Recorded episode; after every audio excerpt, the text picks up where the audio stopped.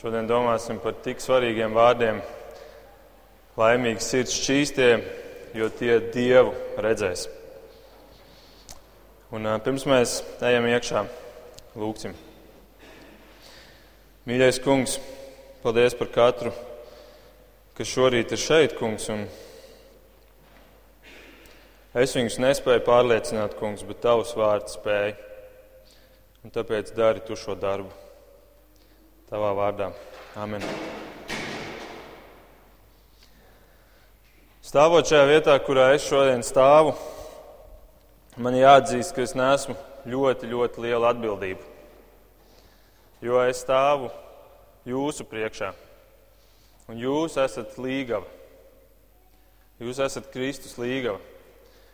Jūs neesat mana līgava, jūs esat Kristus līgava, tā līgava, kuram vajadzētu šodien stāvēt šeit. Viņam pieder šī baznīca, šis nams, šī ir viņa vieta. Bet līdz brīdim, kad viņš atgriezīsies, viņš šo vietu ir uzticējis citiem. Un tādēļ katrs, kurš šeit stāv, ieskaitot mani, mēs nesam ļoti lielu atbildību. Jo man ir jārunā tas, ko viņš vēlās. Un viņa vēlēšanās ir, ka tu mīļā līgava, dzīvo pēc tiem standartiem, kurus tu pasaulē neatradīsi. Girts labi pateica pagājušajā reizē pēc svētrunas, ka šie būti, kā es, viņi nestāv tikai par kalnu svētrunu, viņi nozīmē arī Kristus standarti. Un tādēļ Kristus vēlās, ka viņa standarti būt arī viņa līgavas standarti. Un tādēļ, varbūt, ja viņš šodien šeit stāvētu, viņš varētu teikt, man mīļā līgava nesalīdzina sevi ar šo pasauli, ar šīs pasaules cilvēkiem un šīs pasaules standartiem, bet salīdzina sevi ar to cilvēku, kuru es tev rādīšu. Mēs varētu teikt, kuru cilvēku tu, man, tu mums rādīsi? Kurš tas ir? Un Jēzus varbūt turpinātu. Varbūt pirmais, kas tev nāk prātā, ir Jānis Kristītājs, jo kā nekā es par viņu teicu, ka viņš ir lielākais starp cilvēkiem. Bet atceries, es arī teicu, ka katrs, kurš ir Dieva valstībā, ir lielāks par viņu. Tādēļ man līgava es tev rādīšu cilvēku, kurš ir vēl lielāks par Jānu Kristītāju. Un patiesībā tāda nav tikai viena, tāda ir vairāki. Viņu nav daudz, Viņu ir maz. Bet es vēlos, ka tu salīdzini sevi ar viņiem. Raugies uz viņiem, ielūkojies dziļi viņos. Un tad ieskaties spogulī, kāda esi tu. Un tas ir vienīgais veids, kā tu vari palikt neaptraipīti līdz brīdim, kad es atgriezīšos. Tas ir vienīgais veids, kā tu vari palikt mana, kā tu vari būt patiesi laimīga. Tādēļ klausies uzmanīgi, ko es tev teikšu par viņiem. Laimīgi garā nabagie, jo viņiem pieder debesu valstība. Laimīgi abēdinātie, jo viņus mierinās. Laimīgi lēnprātīgie, jo viņi mantos zemi. Laimīgi izsalkušie un izslāpušie pēc taisnības, jo Dievs viņiem pa pilnam to dos. Laimīgi žēlsirdīgie, jo Dievs būs viņiem žēlsirdīgs. Laimīgi sirds šķīstie, jo viņi Dievu redzēs. Šie ir tie cilvēki, šis ir tas cilvēku modelis, kur Jēzus rāda mums kā paraugu. Šis ir tas kristietis, kurš būs Dieva valstībā. Un Mārtiņš Lloyds Jones ļoti labi izskaidro, kā šī secība veidojās. Es esmu garā nabaks. Es apzinos, ka man nav nekādas taisnības. Es apzinos, ka vaigu vaigu, vaigā pret Dievu un viņa taisnību es esmu līdz galam bezspēcīgs. Es nespēju izdarīt neko. Ne tikai tas, es esmu bēdīgs tā grēka, grēka dēļ, kas ir manī. Esmu ieraudzījis caur svētā gara darbošanos manī savas sirds melnumu. Es zinu, ko nozīmē saukt kopā ar Pāvilu Ak, es nožēlojamais cilvēks, kas man izraus no šīs nāvei padotās miesas? un vēlos tikt atbrīvots no tā pretīguma, kas ir manī.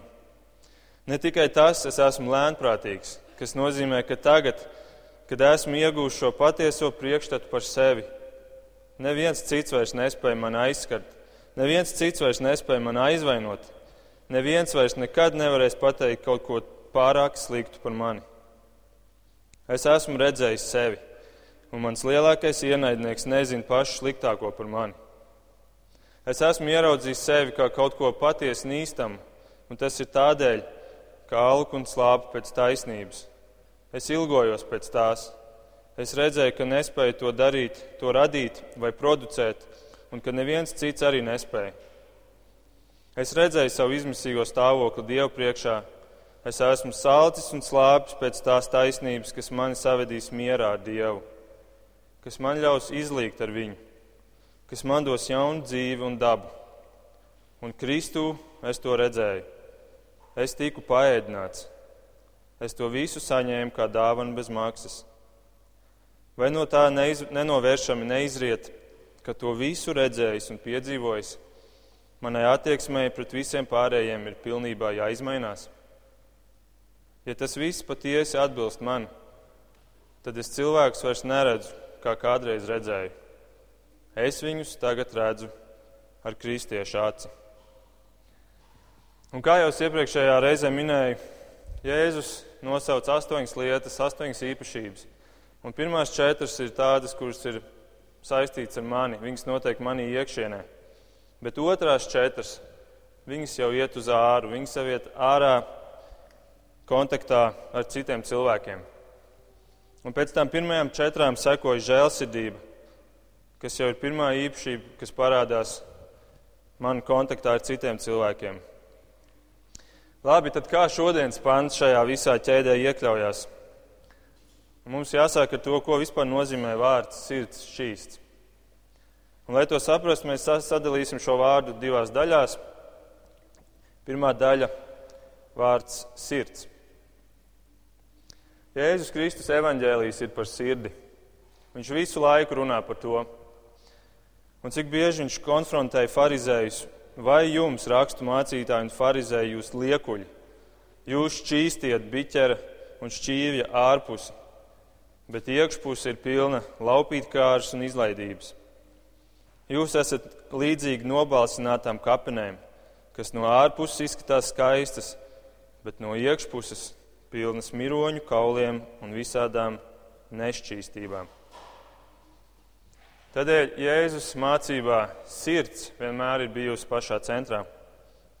Un ja es tev šorīt jautātu, kāda ir tava sirds, ko tu teiktu par sevi? Vai tu teiktu, nu, es jau esmu diezgan labs. Ja es salīdzinu ar citiem cilvēkiem, man sirds ir diezgan laba. Bet paskatīsimies, ko Dieva vārds saka par cilvēku sirdi, par manu sirdi un arī par tavu sirdi. Jeremija 17.9 ir teikts tā: Sirds ir ļaunprātīga lokana pret visu. Ļaunprātīga lokana pret visu. Tā ir viltīga. Kas to var izdibināt? Sirds ir ļauna cilvēkam. Mēs varam varbūt teikt, bet Cilvēki taču dara arī labu. Pat nekristieši dara labas lietas. Bet tā realitāte ir tāda, ka neviens cilvēks pats no sevis nedara neko labu. Tas labais, kas arī ir cilvēkos, tas viss ir tādēļ, ka Dievs ir viņiem blakus, ka Dievs ir šajā pasaulē. Tas viss ir Dieva dēļ. Cilvēki dara labus darbus tikai Dieva klātbūtnes dēļ, arī neticīgie. Jo labi darbi tie ir mīlestības darbi. Un kur nav mīlestības, tur nav nekā laba. Bet kurš tad ir mīlestība? Dievs ir mīlestība. Un tādēļ, ja Dievs pateiktu, es uz nedēļu aizēju no šīs pasaules un uh, nekādi neiesaistīšos, pilnībā atkāpšos, tad, ziniet, nekā laba vairs nenotikt šajā pasaulē. Cilvēku ļaunās sirdis varētu darboties visā savā pilnībā. Un patiesībā kaut kādā mērā tas arī notiks kādu dienu. Atklāsmes grāmatā ir teikts, ka Dievs atkāpsies, un tad elle pavērsies šeit, uz, šeit virs zemes. Ja Dievs nepielikt savu pirkstu, tad neviens, neviens cilvēks nedarītu labu. Un Pāvils tieši to saka romiešiem 3, 10 līdz 12. Nav neviena taisna, neviena paša. Nav neviena, kas saprot, nav neviena, kas meklē Dievu. Visi ir aizgājuši no Dieva, visi kļuvuši vienlīdz nederīgi. Nav neviena, kas dara labu. Un ja kāds saka, nu, bet es daru labu, tad Pāvils beigās pieliek pat viena nav. Tātad cilvēks sirds ir ļauna. Un tikai dieva, dieva dēļ cilvēks vispār spēja darīt kaut ko labu. Arī Jēzus saka, ka sirds ir ļauna Mateja evaņģēlijā 15, 19 līdz 20. Jo no sirds, no sirds iziet ļaunas domas, slepkavība, laulības pārkāpšana, nešķīstība, zādzība, nepatiesa liecība, zaimi Tas viss sagāna cilvēku. Šī sirds ir tevī iekšā, un šī sirds sagāna patiesībā tevi visu. Tādēļ tu dzīvo grēkā, tādēļ tu dari grēcīgas lietas. Un tad, kad cilvēks cilvēka miesā atklāja, piemēram, vēzi, tad cilvēki dara visu, lai tiktu no tā vaļā. Bet šis grēks, šīs sirds ir kā, šis grēks ir kā vēzis, un šī sirds ir kā tas perēklis, tas epicentrs, no kurienes viss šis ļaunais, viss šī slimība, ja tā var teikt, nāk. Un tikai tas, kurš apzinās, ka viņā ir šis perēklis, un nesaka, es jau esmu diezgan labs, ar mani viss kārtībā. Tikai tas, kurš atzīst, cik patiesībā melna ir mana sirds. Tikai tas jūt vajadzību pēc ārsta, kurš nāks un izoperēs viņu ārā, šo perēkli. Jo kamēr tas paliek mūsos, tikmēr mēs esam šī grēka perēkļa vergi. Un, un šis, šis grēks, šis perēklis beigās mūs aizvedīs nāvē. Romiešiem 6. Pāvils saka, vai tad nezināt, ka nodevuši sev verdzības klausībā, jūs esat vergi tam, kam paklausat? vai nu grēkam, kas ved nāvē, vai paklausībai dievam, kas ved uz taisnību. Pāvils saka, kamēr šis perēklis ir tevī, tu esi grēka vergs. Tu esi grēka vergs.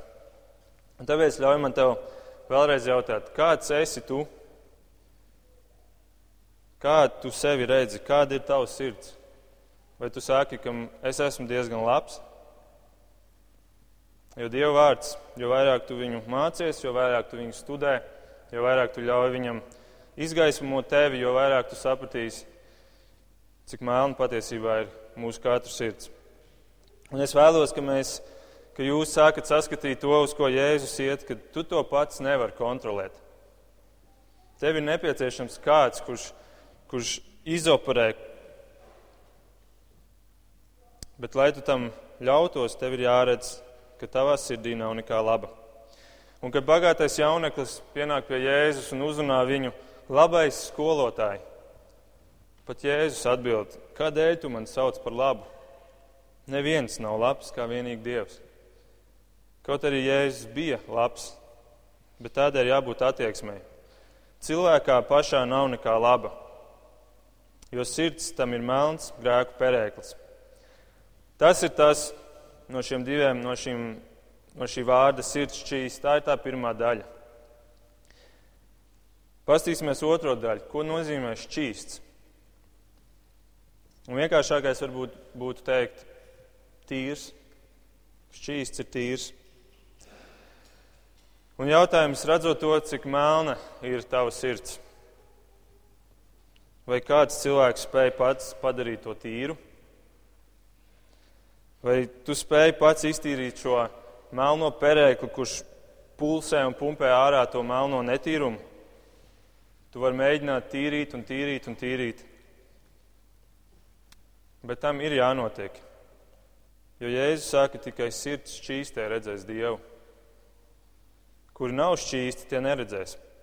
Atklāsmes grāmatā 21. nodaļā 26 līdz 27 Jānis raksta par jauno Jeruzālēm, jeb debesīm, to vietu, kur Jēzus šajā kalnu svētdienā saka, kur būs nāk šie šie laimīgie, viņi nāk šeit iekšā, viņi dzīvos.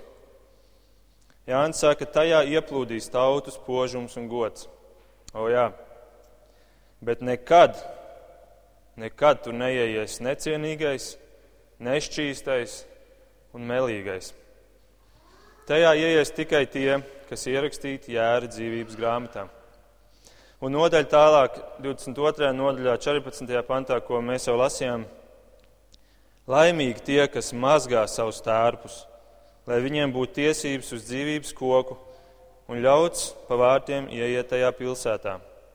Ārpus pilsētas paliks suņi, burvji un netikļi, slepkavas un elku pielūdzēji un ik viens, kas mīl melus un ir melīgs. Tātad tur neieies nekas nešķīsts, nekas netīrs. Neviena melnā, nešķīstā sirds tur neieies. Bet ko tad nozīmē būt ar šķīstu sirdi? Tas nozīmē, ka tavs sirds pirmkārt ir mazgāta, bet otrkārt arī, ka tā ir nedalīta, ka tā ir vienota Dievam. Tas nozīmē, ka tu turi pirmo un lielāko no baušļiem, mīli to kungu, savu Dievu un kalpo viņam ar cik daudz no savas sirds? Ar visu savu sirdi, un ar visu savu dvēseli, un ar visu savu prātu. Tas nozīmē, ka mēs vēlamies dzīvot viņa godam, jebkurā no mūsu dzīves aspektiem, un ka mēs vēlamies iepazīt viņu, un ka tā ir mūsu lielākā dzīves vēlme. Un ja mēs šeit ar savām lūpām dziedam, tā kā arī šorīt bija dziesma, tu man esi viss, tu man esi viss, tad jautājums, vai mūsu lūpām arī mūsu sirdis piekrīt? Un to ir patiesībā diezgan viegli pārbaudīt. Paskaties, cik daudz laika tu ikdienā atvēl Dievam. Jo tas, ko tu mīlēsi, vēl pēc tam ar visu savu sirdi, tas aizņems daudz laika. Kur tu mīlēsi un patiesi vēlēsies iepazīt, tas aizņems daudz laika, tā būs tava prioritāte. Cik ļoti tu vēlēsies iepazīt Dievu tuvāk. Un eh, tāpēc mēs arī šeit ik pa laikam atgādinām par mazajām grupām. Tas ir viens vakars nedēļā, viens vakars, kurā mēs varam domāt par, par to, kāds ir tas, tas Dievs, kur es mīlu ar visu savu sirdi. Viens vakars nedēļā, vai tev tam ir laika, vai ir daudz citas lietas, kas ir svarīgākas. Un pat ja tu netiec uz mazo grupiņu, cik daudz laika tu velti dienā tam, kuru tu, kā tavs lūpas saka, visvairāk mīli. Spērģents ir teicis, ja Dievs tev nav viss, viņš tev nav nekas. Ja tavs sirds būs šķīsta, mazgāta, tad viņš tev būs viss. Jo kā ārsts, kurš ir izoperējis tev šo perēkli, vēl pēc tam bez maksas, izglābs tavu dzīvību, kā tu šo ārstu vari nemīlēt? Kā gan lai tu nekalpotu viņam ar visu savu sirdi, ar visu to sirdi, kur viņš pats ir izārstējis? Un Dievu mīlēt tu spēj tikai ar savu tīro sirds daļu. Kamēr tavs sirds ir melna, tikmēr tu nemaz nespēji viņu mīlēt. Bet, kad tā ir pilnībā šķīstīta, tad tu arī spēj mīlēt ar visu, ar viņu pilnībā visu. Un Dievs prasa mīlēt ar visu. Viņš saka, mīli savu kungu ar visu savu sirdi, nevis tikai ar desmit procentiem. Labi, mēs esam apskatījušies bišķiņ tos vārdus - sirds un šķīsts. Un mēs redzam, sirds ir melna, bet viņa Dievs prasa, ka viņai jābūt baltai. Tas ir divas galējības, mēs tā varam teikt, un tur pa vidu ir milzīgs bezdibens. Kā mēs varam kļūt šādi? Kā mēs varam no šīs vienas galējības tikt uz pilnīgi pretējo? Un tas pats Čārlis Spērģents šo jautājumu vizuāli uzskatāmā veidā parādīja savā bezvārdu grāmatā. Varbūt jūs atceraties, es kaut kad pasen jau viņu pieminēju vienreiz. Viņš radīja tādu grāmatu, kur viņš izmantoja, kad viņš devās uz misiju Ķīnā, kur bija va, ba, e, valodas barjēra, un arī bērniem mācot svētdienas skolā. Un šajā grāmatā bija trīs lapas. Trīs lapas bez, bez teksta. Tur neviena vārda nebija iekšā. Trīs plikas lapas. Un pirmā lapa bija pilnīgi melna. Un tā simbolizēja cilvēku sirdi, cilvēka melno sirdi. Pēdējā lapa bija pilnīgi balta. Tā simbolizēja šo šķīstīto sirdi. Un tad viņš uzdeva šo pašu jautājumu. Kā no tik melna var kļūt par tik baltu? Un tad viņš parādīja vidējo lapu. Kādā krāsā bija vidējā lapa? Sarkana. Mūsu kunga Jēzus asins krāsa. Un kas cilvēkam nav iespējams, tas dievam ir iespējams. Jo ceļš no melnām uz baltām sirdīm iet caur sarkanām asinīm. Kristus asins nomazgā visus grēkus, un melno sirdi izmazgā pilnīgi baltu. Un dāmas varētu teikt, cik superīgi būtu, ja man būtu šāds mazgāšanas līdzeklis. Un es par to nejokoju, tas ir brīnums. Tas ir brīnums. Bet Jānis 1. Jāņa 1.7. raksta, Jēzus asins mūs šķīstīja no visas apgrēcības. Labi, mīļie, to visu es esmu jums teicis, lai pārliecinātu jūs un sagatavotu šim vienam teikumam. Jūs jau esat darīti šķīsti, bet tādēļ jūs arī esat darīti spējīgi dzīvot šķīsti. Jūs jau esat darīti šķīsti, bet tādēļ jūs arī esat darīti spējīgi dzīvot šķīsti. Un tāpēc tagad pieķersimies bišķiņ pie praktiskās daļas. Jā, Kristus tevi ir mazgājis šķīstu, bet Pāvils raksta Filipiešiem 2.15.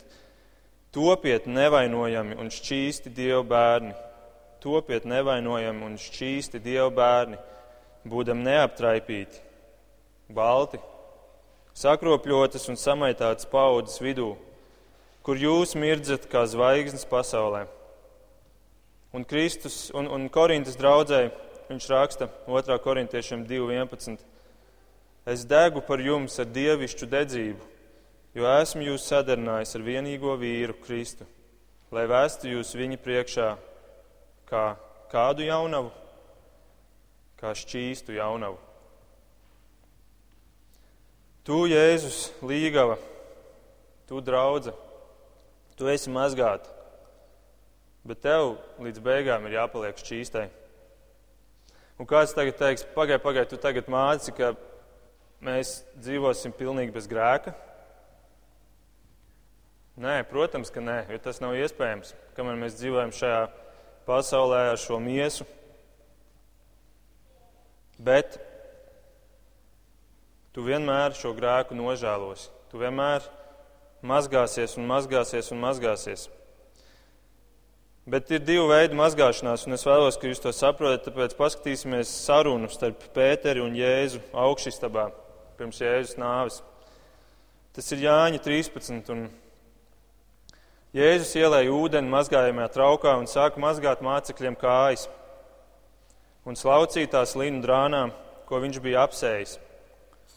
Un tad viņš pienāca pie Sīmaņa Pētera. Un tas viņam teica, Kungs, tu man mazgās kājas, tu man mazgās kājas, nemūžam tu man nemazgās kājas. Bet Jēzus viņam atbildēja, ja es nemazgāšu, tad tev pie manis nebūs daļas. Uz to Pēters viņam atbildēja, Kungs, labi, tad mazgā ne tikai manas kājas, bet mazgā manas rokas un manu galvu un mazgā manu visu. Uz ko Jēzus viņam atbildēja: Pēteri, tam, kas jau ir mazgāts, nevajag vairāk kā vien kājas mazgāt, jo viņš viss ir tīrs. Un jūs esat tīri, bet ne visi. Un tur bija runa par jūdu. Bet pārējie visi jūs esat mazgāti, jūs esat šķīsti, jūs esat vienu par visām reizēm mazgāti. Un Dieva priekšā tas ir jūsu status. Tā ir jūsu pozīcija, ka Dievs jūs redz kā tīrus, kā mazgātus, kā baltas lapas. Un tomēr, ja jūs saka, kājas ir jāmazgā, kādēļ? Tādēļ, ka tie ir tavi ikdienas grēki. Tie vairs neietekmē tavu status Dievu priekšā, bet tik un tā tu tos nožēlosi. Tādēļ, ka tu vēlies būt tīrs, tu vēlies būt sirds šīsts, tu vēlies, lai tev nav šie netīrumi pie kājām, par kuriem tu zini, ka tie Dieva sirdī sāp. Tātad pirmā praktiskā lieta, kaut arī tu esi mazgāts, tomēr tu nožēlo grēkus ikdienas. Un es jau esmu pēdējās reizes jautājis katram no jums, vai tā ir tava ikdienas realitāte? Vai tu redzi šos putekļus pie savām kājām? Vai tie traucē tev ikdienā staigājot? Bet es pieminēšu vēl otro lietu, un eh, tā varbūt ir tā patiesi praktiskā. Atcerieties, ka es teicu, ka šīs otrās četras laimīgi, jeb svētlaimes, viņas iet uz āru. Un tad mēs varam teikt, bet kā tad sirds šķīstais iet uz āru? Ko tas nozīmē? Iekšējā sirds mazgāšana nekad nepaliks viena pati. Tai vienmēr sekos arī ārēji darbi. Tavi vārdi atspoguļos tavu sirdi, tavu sirds tīrību, jo no sirds pārpilnības mute runā. Ja tava sirds būs pilna ar, ar netīrumiem, tad tava mute arī to runās un apliecinās. Tavi darbi atspoguļos tavu sirds tīrību, jo Jēkabs saka, tuvojieties Dievam un Viņš tuvosies jums. Notīriet rokas, grēcinieki, un šķīstiet sirdis. Notīrīt rokas, tas ir tas ārējais, bet tas seko iekšējam, ka tu esi savu sirdi šķīstījis. Un, ja tev būs netīras rokas, tad arī tas apliecina, ka tavs sirds ir netīra. Tādēļ jautājums, kas ir tas, kas iet pretī no tevis ārā, pretī citiem cilvēkiem? Kādi ir tavi vārdi? Ko tu saki citiem cilvēkiem? Un es nerunāju tikai par to, ka mēs varbūt runājam, runājam lietojam sliktus vārdus, kā pasaule to dara. Bet kas ir tas, kas, kas aizņem tavu laiku, tavu, tavu, tavas sarunas, tavus vārdus, tad, kad tu runā ar citiem cilvēkiem? Cik daudz tu runā par to, par ko tavs lūpas saka, ka tas ir tavs viss? Un tad nākamais jautājums, kā tu runā par citiem cilvēkiem? Kā tu runā par viņiem, tad, kad viņi nav tev blakus? Kādi ir tie vārdi, kas nāk no tevis ārā pretī citiem cilvēkiem?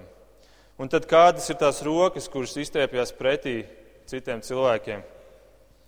Vai tās ir grēka aptraipītas sarkanas? Un mēs uzreiz teiksim, nē, es, es neesmu slepkavs, es neesmu nevienu nekad nogalinājis. Bet Jānis 1. Jāņa vēstulē viņš saka, ka dusmošanās ir pirmais solis, pirmais līmenis slepkavībai. Patiesībā tas ir tas pats. Un vēlāk Jēzus to arī teiks, tā, kad, mēs, tā, kad viņš runās par dusmošanos. Cik daudz dusmojies tavā, savā dzīvē, cik daudz cilvēku saņem šo pretī no tevis? Vai varbūt tās nav grēka aptraipītas sarkanas, bet varbūt tās ir grēcīgi tīras? Tik tīras, jo tās negrib nevienam palīdzēt, tās negrib likt sevi lietā tur, kur ir jāsasmērē rokas. Jēkabs turpat dažus pāntus tālāk saka, Tam, kas zina darīt labu, bet nedara, tas ir grēks. Tātad būt sirds šķīstam nozīmē, ka tavai sirdī seko arī tava mute un tavas rokas. Labi, pēdējais jautājums. Ko Jēzus sola sirds šķīstajiem? Ko Jēzus sola tiem, kuri ir atzinuši, cik viņu sirdis ir melnas? Un ja viņiem kāds arī šodien jautātu, kāda ir tava sirds, un viņi teiktu, mana sirds ir melna. un kuriem Jēzus ir padarījis sirdu baltu Dievu priekšā, bet viņi joprojām saprot, no kurienes viņi nākuši un ka tas ir darīts žēlstībā. Ko Jēzus sola šiem cilvēkiem? Viņš saka, laimīgi sirds šķīstie, jo tie redzēs Dievu. Redzēt Dievu, kas, kas vēl var būt lielāks? Un šis attiecās tāpat kā visas iepriekšējās svētlaimes, gan uz šodienu, gan arī uz nākotni. Mēs varbūt teiksim, redzēt Dievu, jā, tā ir tāla nākotne kaut kur. Bet mēs to redzam jau šodien. Savā ziņā jau šodien mēs redzam Dievu, jo mēs viņu redzam tā, kā neredz nekristieši. Mēs viņu dabā redzam, mēs viņu redzam vēstures notikumos, pagātnē. Ar ticības acīm mēs redzam viņu tādā ziņā, ka jūtam viņu tuvumu, saprotam viņu gribu, pazīstam viņu kā mīlošu tēvu. To visu mēs darām šodien, mēs redzam Dievu. Bet Pāvils saka, mēs tagad redzam neskaidri, kā raudzīdamies atspulgā, bet tad vaigu vaigā. Un spoguļi tajā laikā, protams, nebija tādi kā mūsdienās, kur tu paskaties un tu redzi sevi gan arī tādu pašu, kā arī īstenībā. Tad tā bija Tas bija metāls, diezgan tāds neskaidrs, nespodrs. Tādu mēs redzam Dievu šodien, bet tad mēs viņu redzēsim vaigu vaigā.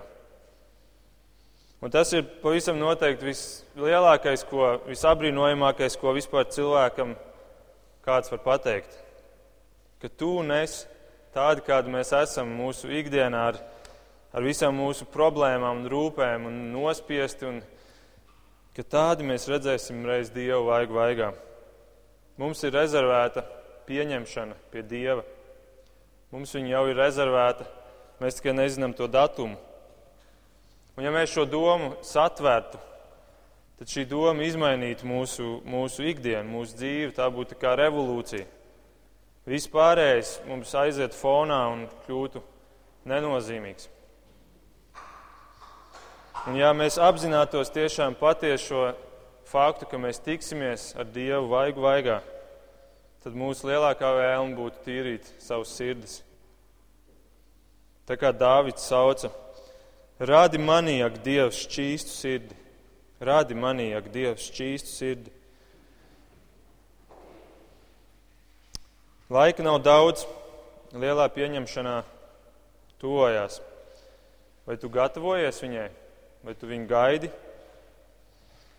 Vai tu nekaunies šobrīd par to visu, ko, kam tu tik daudz laika iznieko?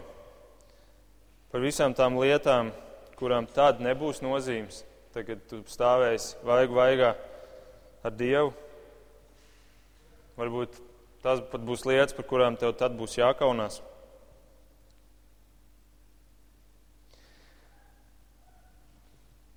Mana mīļā līgava Nu, tu esi redzējis šos cilvēkus, par kuriem tavs līgavains runāja. Bet tagad paņem spoguli un pagriez to pret sevi un apskaties, kāda tu esi.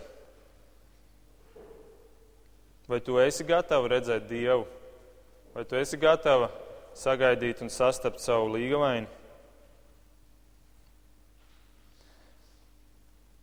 un turpina mācīties no viņiem, no šiem laimīgajiem, jo viņi ir ceļā uz lielo pieņemšanu. Pievienojies viņiem un mācies no viņiem, un nesalīdzini sevi ar šo pasauli, bet salīdzini sevi ar viņiem. Jo ne par pasauli, bet par šiem Jēzus ir teicis, ka viņi Dievu redzēs. Lai Dievs jūs svētītu! Lūksim.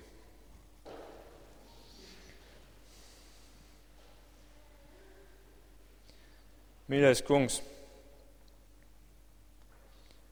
paldies, ka tavs vārds ir tas, kurš runā patiesību. Un paldies, ka mēs ikdienā staigājot neredzam šo patiesību, mēs pat to nenojaušam. Mums liekas, ka mēs esam tik labi, kungs, bet Bet tavs vārds ir kā gaisma, kas izgaismo mūs. Un, Un uh, palīdz, kungs, ka šajās nedēļās, kurās mēs domājam par šīm īpašībām, par šīm iekšējām lietām, ka mēs varētu arī tiešām pārbaudīt sevi.